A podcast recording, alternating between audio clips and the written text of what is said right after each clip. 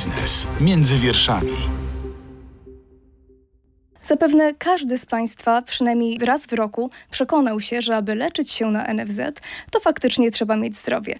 Kolejki do lekarza są długie, nieraz na wizyty czeka się miesiącami, a od składki zdrowotnej ucieczki nie ma. ZUS i tak sięgnie po swoje.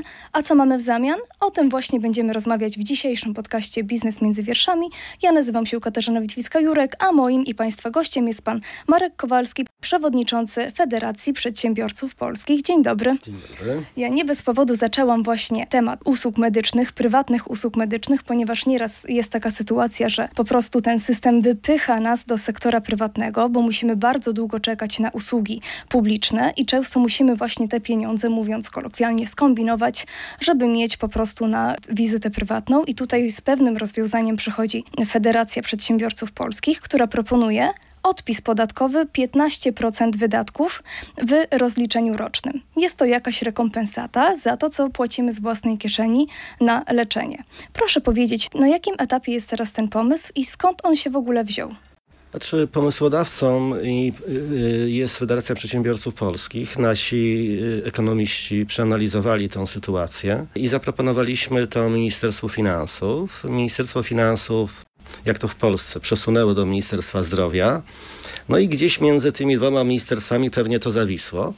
Natomiast do naszego apelu dołączyły się również y, Ogólnopolskie Porozumienie Związków Zawodowych, więc są też jak gdyby tą stroną, która naciska na ministerstwo, żeby to wprowadzić. Sądzę, że w tej kadencji pewnie e, to już się nie zdarzy. Natomiast mamy obietnicę, że po wyborach, e, którykolwiek rząd to nie będzie, zajmie się tym e, tematem, dlatego że również u opozycji on się cieszy dosyć dużą popularnością. No i myślę, że wśród społeczeństwa także, bo to jest obietnica, że dostaniemy jakąś rekompensatę, że sami ponosimy koszty. To jest jak gdyby częściowe uporządkowanie bałaganu po Polskim Ładzie. Zapytam o to, w jaki sposób to rozwiązanie miałoby przynieść pieniądze dla służby zdrowia. Tak. Generalnie rzecz biorąc, tutaj my nie mówimy o pieniądzach dla służby zdrowia. My mówimy tutaj o pieniądzach, które mają pomóc, e, przepraszam, Kowalskiemu i Nowakowi dlatego że w sytuacji, kiedy składka zdrowotna wzrosła, widzimy, że już teraz widzimy wyraźnie, że w zamian za to nie mamy nic, a wprost przeciwnie, kolejki w szpitalach i w, w Państwowej Służbie Zdrowia wzrosły. Natomiast jeżeli pani redaktor mnie pyta, co może mieć, co mogą mieć szpitale, to raczej bym powiedział, co może mieć budżet państwa z tego. E, budżet państwa z tego może mieć to, że wtedy, kiedy będziemy brali faktury, nastąpi ograniczenie szarej strefy, która w strefie medycznej jest bardzo duża.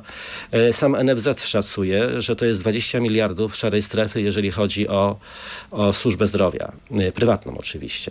Jeżeli pani będzie mogła to odliczyć sobie od podatków, to automatycznie pani będzie żądała tej faktury. No, kiedyś była taka historia, że mogliśmy sobie remonty odliczyć od podatków i to był bardzo dobry okres dla budżetu państwa również, no bo my my braliśmy fakturę za nawet najdrobniejszą naprawę, którą w domu robił nam hydraulik, czy, czy, czy malarz, czy murarz, obojętnie No często spotykamy się właśnie z pytaniem, z fakturą będzie tyle, bez faktury to będzie Dokładnie. tyle. A pytanie, I, i, czy tak nie będzie z usługami zdrowotnymi?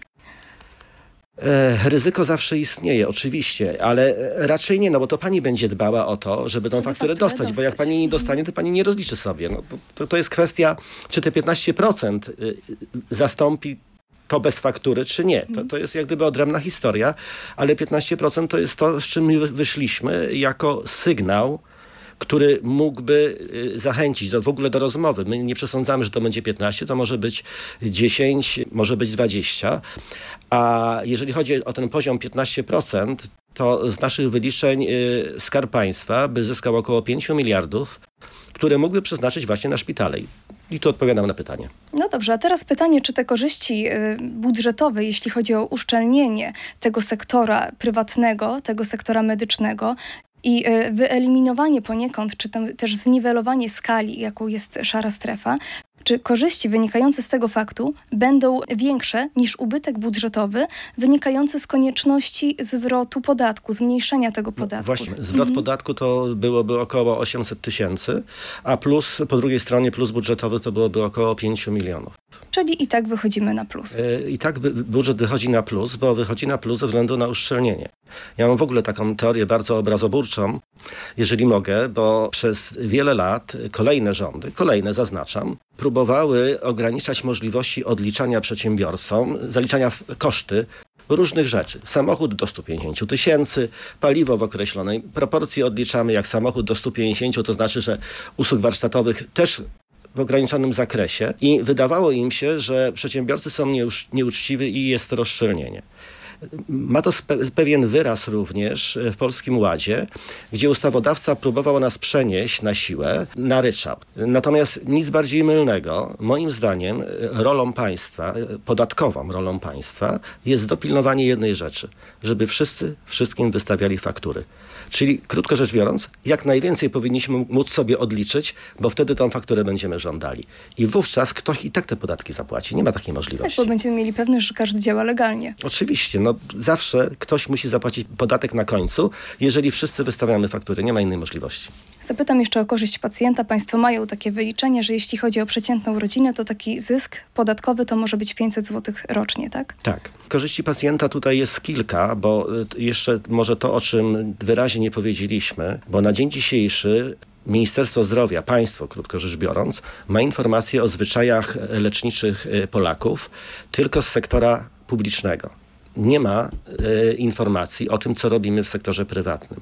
My chcieliśmy fakturowanie połączyć indywidualnym kontem pacjenta i wówczas również byłyby znane zwyczaje z rynku prywatnego, czyli łatwiej mo mogłoby ministerstwo gospodarować pieniędzmi, bo by wiedziało, czy częściej się leczymy na serce, czy częściej się leczymy na neurologicznie, czy, czy w jakikolwiek inny sposób. Więc to jest dodatkowa zaleta jak gdyby z tego systemu, który myśmy zbudowali i to jest wmontowane w to wszystko.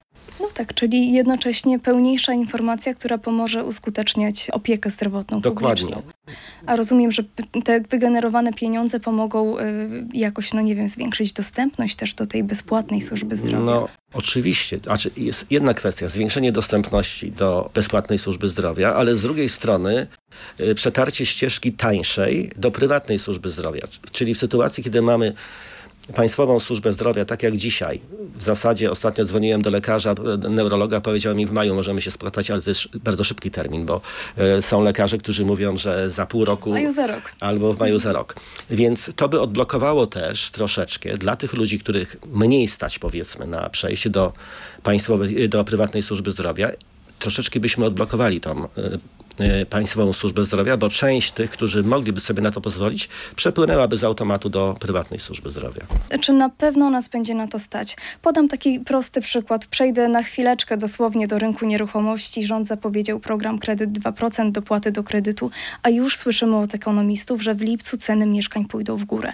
Tutaj rządowa, powiedzmy, dopłata, no w pewnym sensie jest to raczej taki zabieg podatkowy, który zwiększy popyt na usługi prywatne w sferze medycznej. I teraz pytanie, czy nie ma ryzyka, że lekarze, że właściciele takich prywatnych placówek zwiększą ceny? Nie ma rozwiązań idealnych i takie ryzyka oczywiście zawsze są, ale proszę zwrócić uwagę, że i dzisiaj w sektorze prywatnym też pani czeka w kolejce na wizytę do lekarza, więc to nie jest tak, że, że w tej chwili oni czekają na, na pacjenta. Nie, nie czekają na pacjenta, więc tu się niewiele zmieni. Pewnie zdarzą się niektórzy lekarze, którzy podniosą ceny.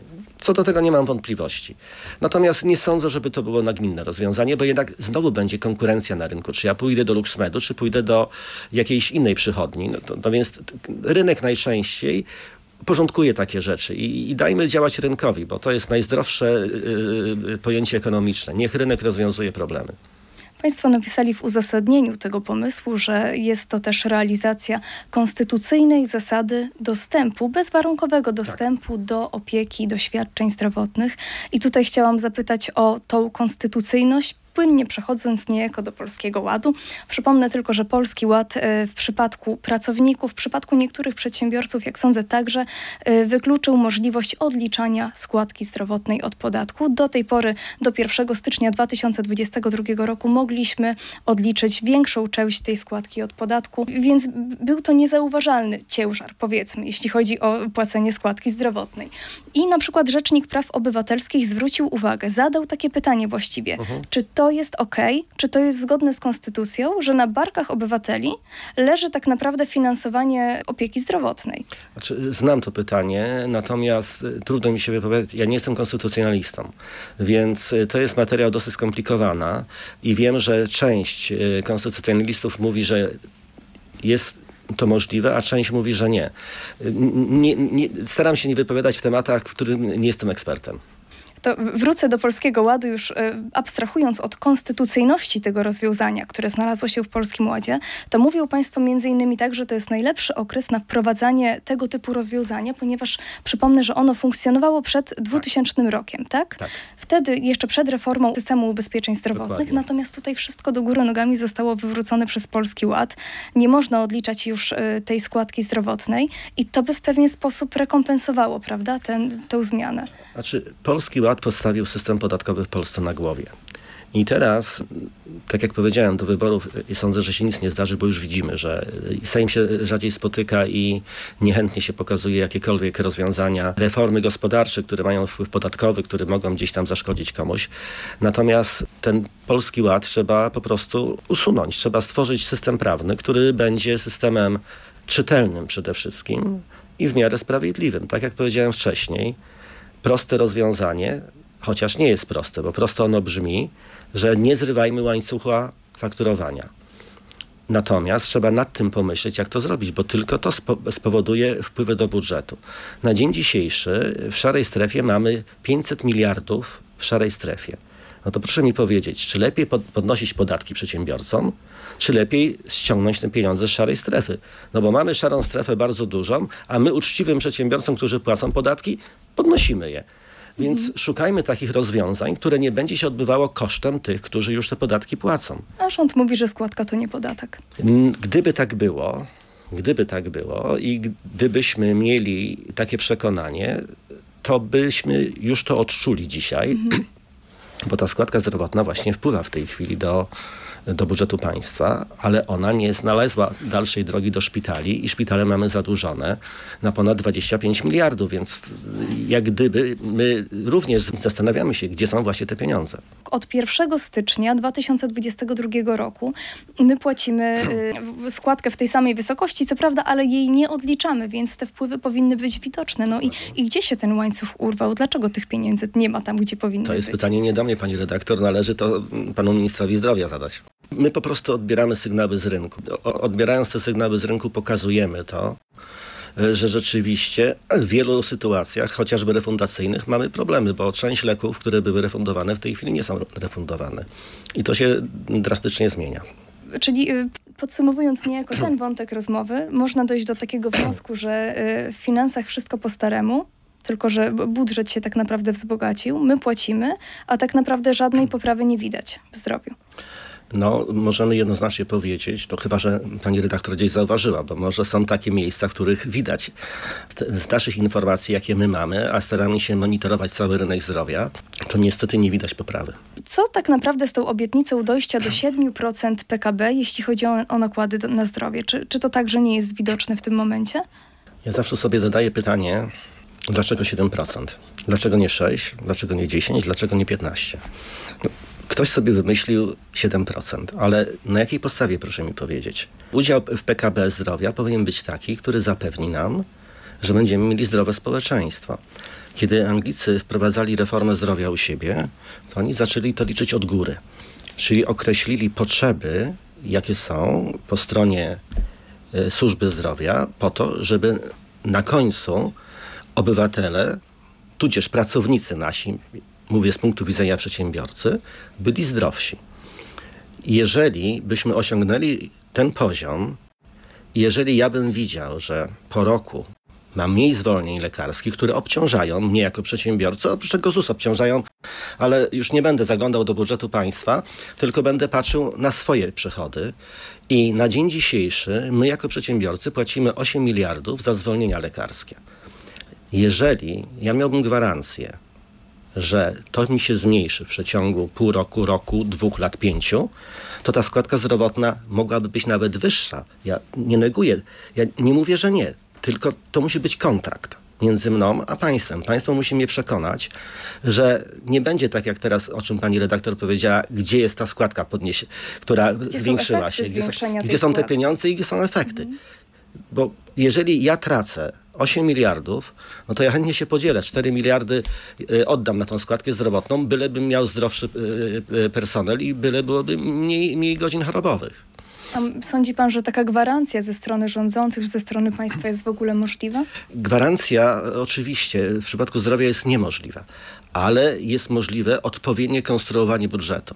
Ja mówię teraz o konstrukcji, a nie o gwarancjach, no bo na koniec oczywiście to jest wiele zmiennych w tym wszystkim.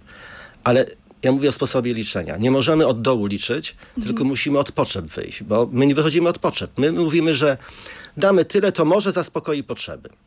No i jednoznacznie odpowiedzmy, zaspokaja czy nie zaspokaja? No, widzimy, że nie zaspokaja, bo nie, było, bo nie byłoby takich kolejek, e, jeżeli chodzi o służbę zdrowia. Nie byłoby tyle wyłączeń w szpitalach, gdzie jest wiele łóżek wyłączonych e, na e, oddziałach specjalistycznych. Wiele rzeczy by, by inaczej by wyglądało, oczywiście. Inną sprawą jest sposób dystrybucji tych pieniędzy, bo, to, bo to, to, to jest jak gdyby odrębna historia jeszcze, tak? Musimy o tym pamiętać. Słuchasz podcastu Radia Z. Przejdę teraz może płynnie do dobrowolnego ZUS-u, ponieważ y, państwo jako y, Federacja Przedsiębiorców Polskich przyznają słuszność tezie, że każdy powinien te składki na ZUS płacić. Tak? Ja tylko przypomnę, że na przykład rzecznik małych i średnich przedsiębiorców jest za tym, żeby ZUS dla małych przedsiębiorców był e, dobrowolny. E, w ślad za nim jest też cała branża na przykład beauty, czyli e, fryzjerzy, kosmetyczki i tak dalej, którzy też chcieliby dobrowolnego ZUS-u. Duża część sceny politycznej polityczni pod tytułem wolnościowcy także są za tym. A państwo e, napisali chyba kiedyś w komentarzu, proszę mi powiedzieć, jeśli się mylę, że to zdemoluje system e, oczywiście, ubezpieczeń. Że, oczywiście, że zdemoluje system ubezpieczeń. Pan rzecznik się bardzo myli. Widocznie nie ma właściwych doradców, którzy by mu to przeliczyli. A poza tym zadałbym pytanie panu rzecznikowi, a dlaczego dobrowolny ZUS tylko? No zróbmy podatki dobrowolne. Dlaczego nie? No przecież jeszcze bardziej oszczędzimy. Proszę zobaczyć, jaka jest argumentacja pana e, rzecznika. Argumentacja jest mianowicie taka, że nie stać małych i średnich przedsiębiorców na opłacanie tego ZUS-u. No dobrze. A z drugiej strony mówi, będą się prywatnie ubezpieczali. No to albo stać, albo nie stać, tak? Chyba, że prywatnie jest taniej. Znamy składki na ZUS. Dobrze, pod jednym warunkiem – Słyszała Pani o prywatnym systemie ubezpieczeń w Polsce e, emerytalnym? Bo ja nie słyszałem. Być, być może Panu rzecznikowi chodziło o jakieś konta emerytalne, chociażby. No ale to trzeba jednoznacznie określić. Proszę zwrócić uwagę, że jeżeli byśmy dali dzisiaj dobrowolny ZUS dla małych i średnich przedsiębiorców, to ja już nie, bo ja już jestem w tym wieku, że, je, że już nie. Ale pani by się za 20 lat zrzucała na zasiłek dla tych osób, które nie opłaciły tego ZUS-u. To jest znowu uprzywilejowanie pewnej grupy, poprzez złożenie, zrzutkie pozostałych członków y, społeczeństwa. No właśnie o to też chciałam zapytać. Czy jeśli przedsiębiorcy, którzy chcą dobrowolnego ZUS-u, świadomie mówią, słuchajcie, my za 20 lat wiemy, że nie będzie emerytury, y, my sobie tutaj prywatnie załatwimy mm, opiekę, czy też stabilną przyszłość finansową i nie oczekujemy pomocy wtedy, ponieważ my teraz konsumujemy to, co byśmy zapłacili na przykład składką zdrowotną, tak? Mm, czy emeryturą. Tak, tylko niech pani pamięta, wracając do konstytucji znowu, tak?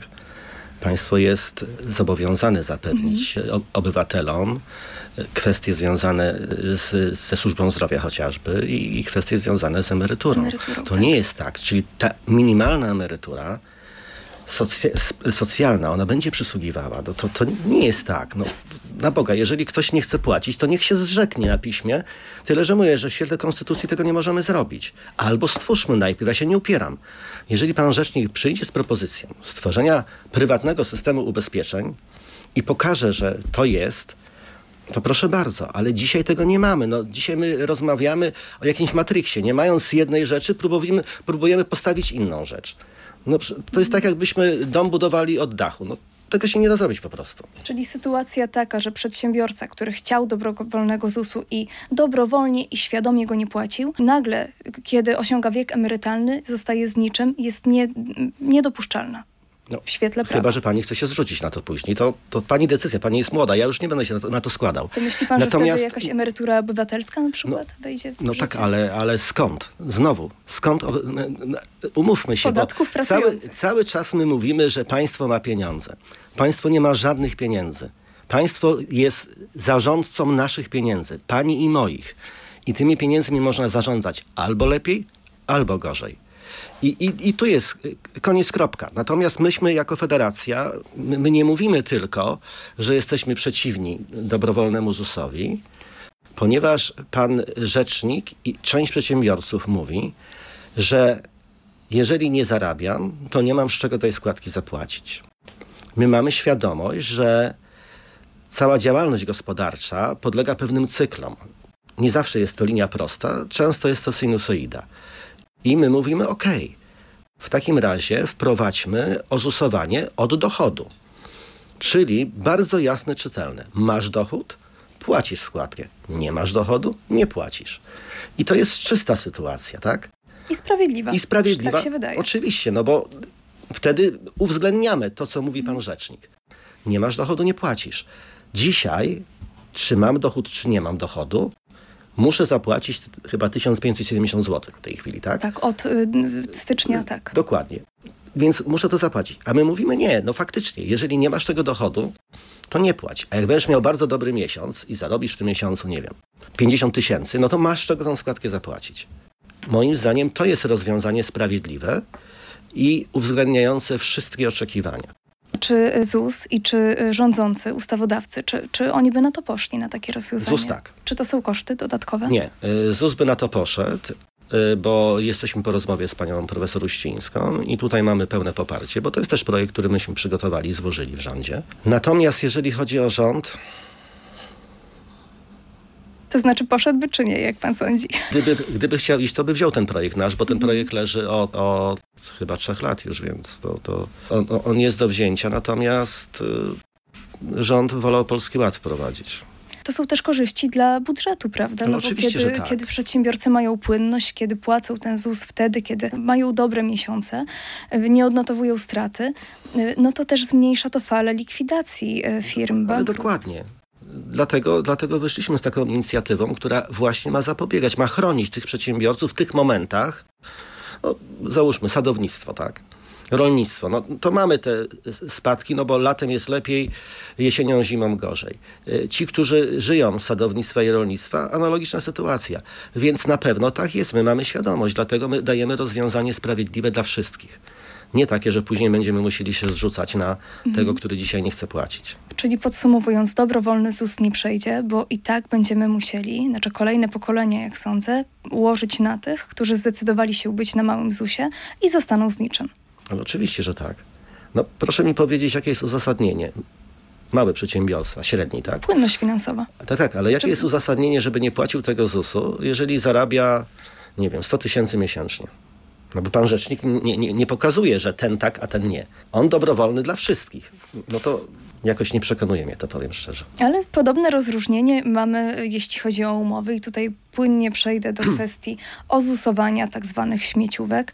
Głównie mówimy tutaj w tym kontekście o umowach zlecenia. Płacimy do wysokości minimalnego No wynagrodzenia. właśnie. I są już teraz pomysły, żeby, żeby płacić pełne składki. Państwo są za tym.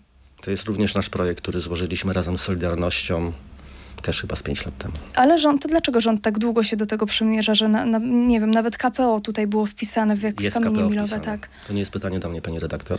Chciałbym jedną rzecz wyjaśnić od razu, że, bo ktoś może się dziwić, że jako przedsiębiorcy mówimy o pełnym ozusowaniu, tak?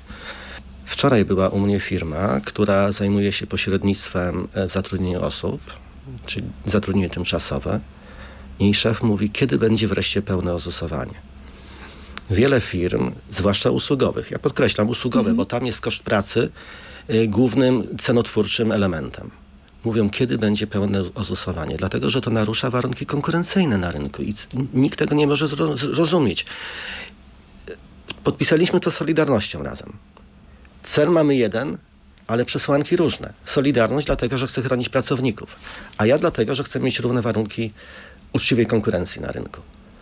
I to się zapina. Natomiast y, umowy o dzieło y, jest to technicznie niemożliwe i tutaj nawet związki zawodowe od tego odstąpiły, bo wiedzą, że to jest nierealne. Dzisiejszy rejestr w moim odczuciu, zresztą rozmawiałem z panią profesor Uścińską, on doskonale się spisuje, dlatego że sam rejestr już powoduje to, że y, w pewien sposób ucywilizował już ten, ten rynek um- umów o dzieło, więc Tutaj, poza tym to jest marginalna część rynku. Powiedzmy sobie szczerze, tutaj mówimy o dziesiątkach tysięcy, umowy zleceniach mówimy o chyba półtora miliona gdzieś w tej chwili albo więcej. Rozmijmy jeszcze może te dwa wątki, czyli prawa pracowników i konkurencyjność. Tutaj sprawa wygląda następująca, że jedynie etat daje pracownikowi tak naprawdę pełnię e, praw takich socjalnych, tak? ubezpieczenie e, zdrowotne, emerytalne i tak. Natomiast jeśli chodzi o umowy zlecenia czy umowy o dzieło, często zdarza się, że pracownicy po pierwsze albo nie mają wyjścia, bo pracodawca oferuje im tylko i wyłącznie takie umowy, a po drugie, być może decydują się na to, ponieważ pracodawca może z uwagi na niższe koszty pracy wówczas oferować im wyższą stawkę na śmieciówce. Jak w tym kontekście y, wygląda ta, y, to zaburzenie Pyta pani mnie jako, praco, jako pracodawca, Jako tak? pracodawca. Jestem zwolennikiem umów o pracę. Umowy o dzieło powinny być marginalną formą. Oczywiście nie można ich zlikwidować, żeby była sprawa jasna, żeby ktoś nie zinterpretował, że chce likwidować umowy o dzieło, y, umowy zlecenia. Zlecenia. Y, to, to powinna być marginalna część naszej działalności, bo rzeczywiście są sytuacje, że muszę pracownika zatrudnić na miesiąc, no to trudno robić umowę o pracę w tej sytuacji. Ale chwilą, kiedy przechodzimy już do sytuacji takiej, która jest pełnym zatrudnieniem, to powinna być umowa o pracę. Ale znowu, to nie jest moja rola, bo dzisiaj nic nie stoi na przeszkodzie, żeby do tego zmierzać, bo Państwa Inspekcja Pracy ma artykuł 22 kodeksu pracy, z którego jasno wynika, że jeżeli pani wykonuje pracę w określonym miejscu, czasie i pod nadzorem, to jest umowa o pracę. Tutaj nie ma problemu. Wystarczy tak, to wyegzekwować. znamiona umowę o pracę, mimo że jest na przykład Dokładnie. zleceniem, tak? Dokładnie. I też no, podlega wtedy Wystarczy to wyegzekwować. Natomiast tak, z punktu widzenia konkurencji, znowu odpowiadam, z tego samego punktu widzenia jestem zwolennikiem umowy o pracę, bo wówczas e, przedsiębiorcy będą konkurowali jakością usług, innowacyjnością, a nie kosztem pracy e, pracownika. Mhm. To jest nieuczciwe i niesprawiedliwe. Czyli jedynie ustawową drogą moglibyśmy w pewien sposób ograniczyć liczb, liczbę śmieciówek, tak? Jeżeli chodzi o e, liczbę umów zleceń, e, tak, ustawowo trzeba na pewno pierwszy krok, taki sensowny, to byłoby pełne ozusowanie. To, to, to już by dało przynajmniej pracownikowi to zabezpieczenie emerytalne, od którego tutaj zaczęliśmy. Mhm. Oczywiście nie miałby pracownik tych praw, które ma e, wynikających z umowy o pracę, ale byłby to jak, jakiś krok w dobrym kierunku, moim mhm. zdaniem ale powinno się wtedy adekwatnie podwyższyć pensję, żeby pracownik nie był stratny. Niech mi pani wierzy, bo słyszałem o tym już, że to będzie kosztem pracownika i takie straszenie było i to między innymi jest przyczyna pewnie, dlaczego rząd się cofnął mm. i nie wprowadził tego rozwiązania. A pan wierzy, że te koszty nie zostaną scedowane na pracowników? Jestem przekonany w 100%, że na pewno w 95% nie będą scedowane na pracowników dlatego że mamy dzisiaj do dyspozycji rynek pracownika. I to nie jest tak, że dzisiaj dyktujemy my warunki jako przedsiębiorcy, my szukamy pracowników. Oczywiście takie sytuacje będą miały, znowu marginalnie, no bo nie ma idealnych rozwiązań i te sytuacje pewnie się zdarzą, niestety o zgrozo, u małych i średnich przedsiębiorców, dlatego że tam jest większa przestrzeń do takich operacji. Duże firmy są inaczej rozliczane, są pod większą lupą, i tamte takie, takie sytuacje się rzadziej zdarzają. Natomiast to nie jest tak, że my wyeliminujemy wszystko jednym ruchem. Mamy dużo, dużo takich rzeczy, które wrosły w nas. I jeżeli przedsiębiorca też nie widzi i, i, ma świadomość, że wprowadza państwo mu taki polski ład, który tak naprawdę nie rozwiązuje żadnego problemu, komplikuje cały system i oprócz tego, że płaci większe podatki czy składkę zdrowotną, to jeszcze musi księgowym dodatkowo zapłacić i zatrudnić cały sztab prawników, żeby rozwiązali ten problem. Szuka taki przedsiębiorca rozwiązań. Dlatego powiedziałem, ZUS od dochodu dla przedsiębiorców, ozusowanie pełne przynajmniej i niezrywanie łańcucha faktur. To jest recepta na wybory. Jeżeli ktoś, któryś e, z partii mnie słucha, to polecam bardzo.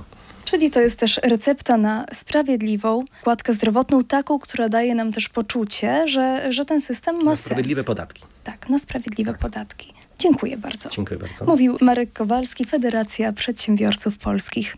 Dziękuję serdecznie za rozmowę. Państwu także dziękuję za uwagę. Polecam wszystkie podcasty Biznes między wierszami. Przypomnę tylko, że można nas oglądać i słuchać na YouTubie, słuchać wyłącznie na Spotify i na playerze Radia Z. Mówiła Katarzyna Witwicka-Jurek. Dziękuję Państwu bardzo i do usłyszenia. Biznes między wierszami. Więcej podcastów na player radioz.pl.